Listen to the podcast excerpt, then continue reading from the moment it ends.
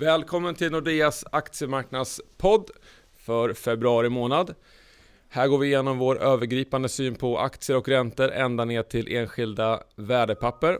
Publikationen Aktiemarknadsnytt där du har vår strategi i skrift. Den hittar du i nätbanken.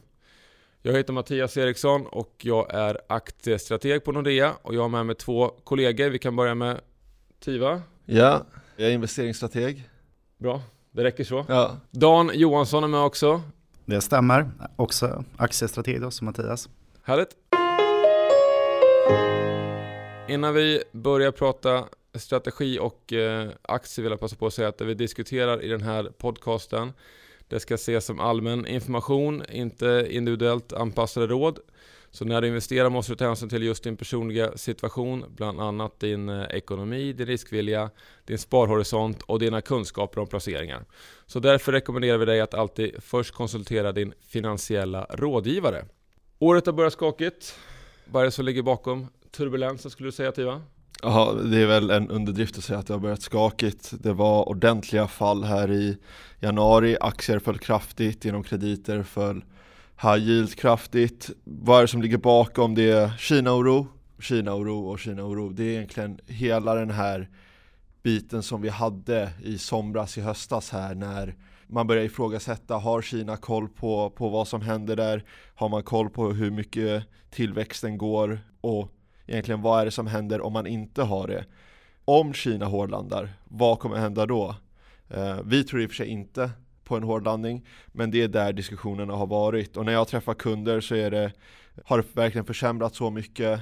Eh, eller handlar det egentligen om, om icke-fundamenta? Jag tror det handlar om icke-fundamenta. Eh, det är oro, berättigad oro definitivt, men det är i slutändan oro att, eh, att man inte klarar av. Hur orolig ska man vara för det här fallande oljepriset? Man, man ska vara till viss del orolig men, men det hänger ihop med Kina. Det är inget som, som är enskilt i sig.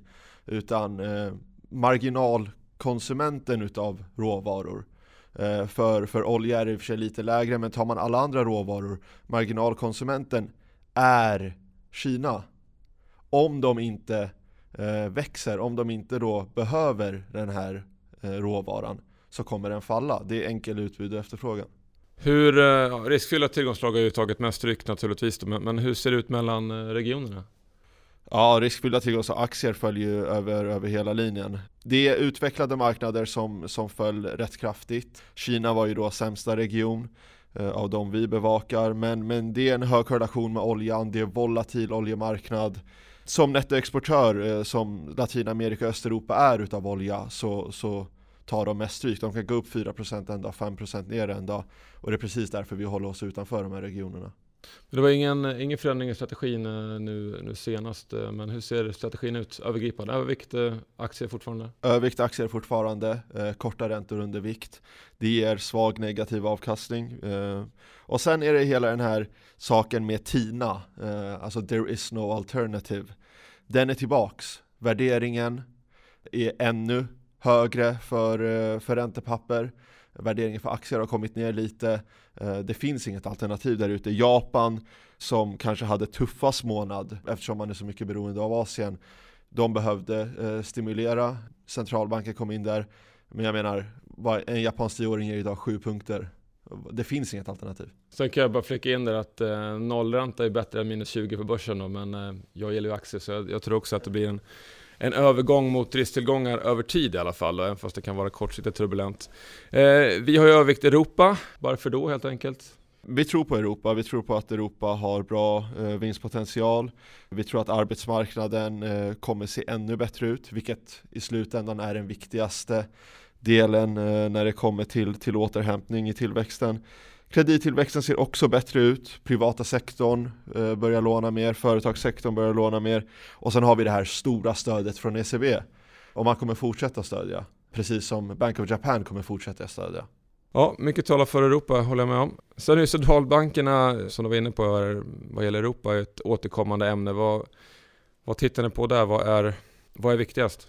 Ja, januari var intressant för, för centralbankerna. Eh, ECB med då Mario Draghi i spetsen lugnade marknaderna under en i och för sig väldigt kort period men han indikerade på att det kan komma mer stöd redan i mars och eh, Bank of Japan då sänkte inlåningsräntan som ECB gjort tidigare också men man sänkte den då till 0,1 procent. man fortsätter stimulera med 80 biljoner yen per år eh, det, talar, det talar för riskfyllda tillgångar helt enkelt och ett annat återkommande tema som vi har berört eh, redan i Kina, vad är det senaste där? Ja, jag, jag tittar ju väldigt mycket på kinesiska valutan. Eh, vad är det som händer där? Man har bränt en hel del på att försvara den.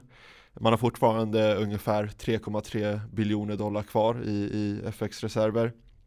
Men man vill inte bränna på att försvara valutan. Eh, man vill att den ska hålla sig stabil, men gör den inte det så kommer man försvara den. Och det är samma sak med tillväxten, man vill att tillväxten ska ta fart, men kommer den inte göra det kommer man komma in och göra ännu mer infrastrukturinvesteringar för att hålla tillväxtsiffran uppe. Det är viktigare än att bränna eh, reserverna. Men jag menar, samtidigt är det också en annan sak när vi tittar på Kina så ser vi att det får de här följdeffekterna som, som kommer till eh, Sverige. Och Sverige har laggat resten av världen. Men när ni tittar då på Stockholmsbörsen, hur ser det ut där? Ja, som du säger så storbolagen som har eh, stor internationell eh, närvaro och, och press då från Kina och även andra regioner. Det var mycket, mycket prat om både Kina och, och olja och gas i Nordamerika, både i Q3-rapporten och nu i, i Q4. Så på sista tiden, förra året egentligen, så var det ju en fördel att ligga tungt viktad i, i mindre bolag, framförallt exponering mot, mot Sverige och Norden som har utvecklats väldigt starkt. Men nu tycker vi att storbolagen eh, generellt sett är lågt prissatta. I vissa fall har kursnedgångarna varit närmare 50%. Många av de tyngre verkstadsbolagen har gått ner 40-50% och det är ovanligt. Och de handlas ut ett P-tal på eh, mellan 10-12 någonstans där. Även bankerna värderas i det här. Telia tycker vi är lågt värderat också. Och värderingen på, på flera av de här verkstadsbolagen, de är ju på nivåer vi såg senast i, eh, i finanskrisen faktiskt. Så, så man har ju diskonterat in en, en, en klart sämre konjunkturutveckling. Det är, inget, det är inget snack om det. Så vi ser bra köpläge i, i flera storbolag och har tagit ner lite av exponering mot mindre bolag och, eh, och tagit in lite större bolag. Då. Men, men eh, det är klart att det finns eh, intressanta alternativ eh, generellt sett. Så man ska inte rikta in sig allt för mycket på om det är ett stort eller litet bolag. Men om man ska generalisera så storbolagen på OMX30-listan har ju generellt sett kommit ner värderingsmässigt eh, väldigt, väldigt mycket. Men det handlar väldigt fort, alltså om stockpicking fortfarande? Absolut, man, man ska ju vara selektiv men, eh, men generellt sett verkstadsbolagen, bankerna, Telia som är tunga index, de har eh, gått ner kraftigt. Och där ser vi selektiva köplägen, absolut. Och rapportsäsongen är igång. Hur ser det ut? Ja, vi ser samma trender i det fjärde kvartalet som i det tredje. Svagt Kina som du var inne på. Fortsatt fallande efterfrågetrend inom olja och gas i, Nordamerika. Atlas Copco talar om, om, om, fallande efterfrågan eh, Q4 jämfört med Q3. Sandvik var väl lite mer att det var oförändrat då, men, men det är ändå ingen, ingen vändning i, i, i den sektorn, olja och gas i, i USA. Men eh, det intressanta är ju att det har varit svaga rapporter måste man säga. Man tar SKF och Sandvik som exempel. Det var ju tydliga försämringar jämfört med, eh, med eh, samma kvartal föregående år och, och sämre än förväntasbilden bland analytiker. Men ändå går, går aktierna eh, SKF steg ju och Sandvik tappar lite grann då på, på, en, på en ganska dassig rapport faktiskt. Då. Så, så aktiemarknaden har varit förlåtande i en hel del fall tycker jag. Sen å andra sidan såg man Alfa Laval som fick eh, oerhört mycket stryk. Då. Så ja, det gäller att ha lite tur med rapporterna och också vara selektiv här. När SKF exempelvis har gått ner då, eh, nästan 50% på kort tid, då, då har förväntningarna ställts ned och då krävs det en, en väldigt, väldigt dålig rapport för att det ska falla ytterligare. Då. Så svaga rapporter men, men eh, lite skiftande mottagande från, från börsen och inte så illa som, som befarat skulle vi säga då. För att förväntningarna är väldigt lågt ställda. Sen vad gäller utdelningen som är, som är viktig tycker vi om att prata om. De flesta bolagen höjer också utdelningen. Så det tyder ändå på att ledningar och, och styrelser inte ser någon så kraftig konjunkturnedgång framför sig. Så vi tror att, eh, vi tror att börsen eh, överdriver i, i den här nedgången som den ofta gör. För att ja, börsen är en drama queen helt enkelt. Eh, men vi har ju sett, alltså globalt har det ju varit fall. Sverige också. Modellportföljen då, hur, hur har den hanterat det? Bra måste jag säga. Vi ligger före index med 1,5 procentenhet så här långt i år. Så det är ju, det är ju hyggligt. Eh, skönt att ligga lite före i alla fall. Och den här månaden gör vi två byten i portföljen. Vi tar hem en vinst på över 150% i Evolution Gaming. Så vi tog in den portföljen i, i somras som håller på med live casino. Vi tycker förväntningarna på Evolution Gaming har skruvats upp rejält de senaste månaderna i takt med den här kraftiga kursuppgången och vi tycker värderingen är rättvis eh, på de här nivåerna. Eh, så vi är lite avvaktande och ser större potential i, i Unibet då, som, som tar plats i modellportföljen. Ett annat spelbolag med lite annan inriktning. Och sen byter vi även ut Dustin som säljer framförallt hårdvara och IT-hårdvara på, på nätet mot Swedish Orphan Biovitrum. Eh, vi ska prata lite mer om de här casen eh, alldeles strax. Men om vi, om vi tar Dustin och varför vi plockar ut den så eh, gjorde den senaste rapporten oss lite besvikna. Vi tog in aktien i modellportföljen i april 2015 och då lockades vi framförallt av en väldigt hög tillväxt. De har lyckats växa organiskt med 8% per år i genomsnitt sedan 2004. Så har visat en väldigt imponerande eh, tillväxt över tid. Eh, men sen i det senaste kvartalet så växte de bara då med 2,5% och det är ju relativt bra i den här tuffa miljön. Då, men, men å andra sidan är det relativt dåligt deras historik så det gjorde oss lite, lite tveksamma till, eh, till framtiden. Och eh, vi ser en risk att deras höga exponering mot PC-marknaden som har det, har det svårt just nu kan fortsätta att tynga tillväxten. Så vi har en långsiktig positiv syn på Dustin över, över ett längre, en längre tidshorisont. Men då Swedish Orphan Biovitrum som vi tar in istället, där ser vi betydligt bättre tillväxtmöjligheter. Så då, då byter vi helt enkelt Dustin och tar in, eh, tar in Sobi istället då, Swedish Orphan Biovitrum. Som har eh, exceptionellt bra tillväxtförutsättningar eh, de kommande åren. Det är, alltid, det är alltid ett relativt spel, så är det ju. Och det är hög risk i, i, i Sobi då som, som uh, Swedish Orphan Biovitrum uh, förkortas. Det är det. Men vi ser bra risk-reward som det heter. Bra, bra avkastningspotential i förhållande till den, till den risk vi tar då. Så jag tänkte bolla över till, till Dan då och, och börja med, med Unibet. Aktien steg ju kraftigt förra året. Och frågan blir då naturligtvis, finns det potential kvar? Exakt, många sa ju att eh, förra året var det stora spelåret men jag tror de faktiskt missat att det i år vi har två jätteevent i form av ett utökat fotbolls-EM och sen även eh, sommar-OS då. Och det gynnar ju Unibet kraftigt för att ungefär 45% utav intäkterna kommer från sportspel. Så vi räknar på en organisk tillväxt på 18% i år vilket är fantastiskt i den eh, lågtillväxtmiljö vi har. Och eh, ser vi på vinsten per aktie då så tror vi att den ska öka med över 40% och det är ju framförallt för att de två stora förvärven konsolideras helt då eh, nästa år. Så förvärv och sen då ett jättebra spelår eh, hoppas vi på i år. Exakt, det stämmer. Eh, kortfattat. Sen har ju aktien backat rätt ordentligt hittills i år. Då. Vad, vad, finns det någon förklaring till det? Ja, den tråkiga förklaringen man brukar dra är väl vinsthemtagningar och det kan man ju förstå när aktien har gått upp över 70% förra året och zoomar man ut grafen ännu mer så har det ju faktiskt varit en formidabel utveckling. Det har gått från ja, P10 till 15 till liksom P20 istället. Och eh, sen har det varit lite diskussioner kring omlicensieringar och skatter vilket givetvis dragit ner sektorn lite i år. Då. Är det Nederländerna man tänker på främst som, som pratar om en skatt på 29% istället för Ja, framförallt har det varit mycket diskussioner kring Nederländerna då som eh, ja, i sig gör det ju inte så mycket om de skulle höja skatten från 20 till 29 procent. Eh, Nederländerna står väl för ungefär 15 procent eh, av Unibets intäkter. Så i sig har det ju ingen jättepåverkan men det belyser ju lite den politiska risk som vi ändå ser i sektorn.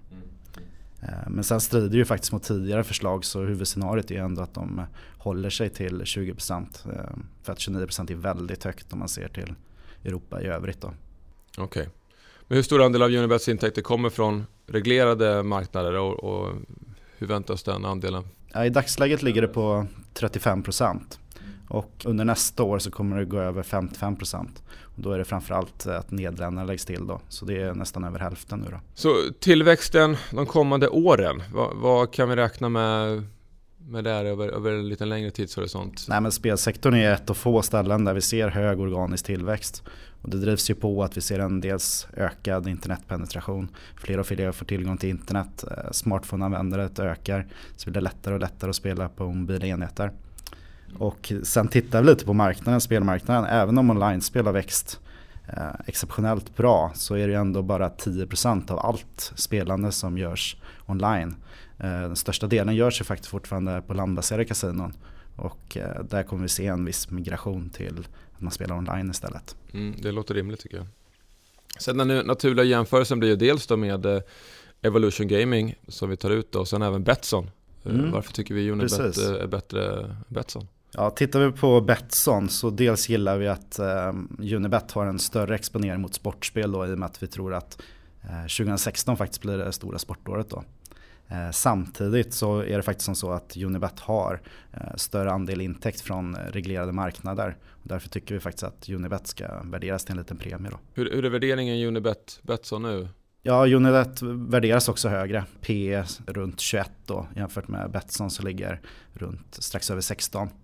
Så det är en viss premie men vi anser det är motiverat då dels till eh, exponeringen och dels till att de har högre andel intäkter då från reglerade marknader. Ja, så lite högre risk i Betsson. Ja, men vi är fortfarande positiva till Betsson också då. Ja, ja. Överlag. Eh, sen andra nytillskottet i, i modellportföljen är Swedish Orphan Biovitrum. Sobi, kan du, kan du berätta om det här bolaget? Vad gör de? Precis, lite mer okänt bolag. Det är ett specialist med läkemedelsbolag som håller på med sällsynta sjukdomar. De fokuserar framförallt på hemofili, inflammatoriska sjukdomar och även eh, genetiska sjukdomar. Och man säljer dels sina egna produkter men sen erbjuder man även sin plattform då till andra små och medelstora läkemedelsbolag. Vad är det som gör den så pass intressant att den förtjänar en plats i modellportföljen? Ja, de senaste åren har varit väldigt händelserika och eh, framförallt har de uppnått flera milstolpar inom det hemofiliprogram man har tillsammans med amerikanska partnern Biogen. Så under 2014 lanserades eh, två preparat mot hemofili av eh, typ A och B det vill säga blöda sjuka. Och det lanserades på amerikanska marknaden då, där Biogen har hand om försäljningsrättigheterna.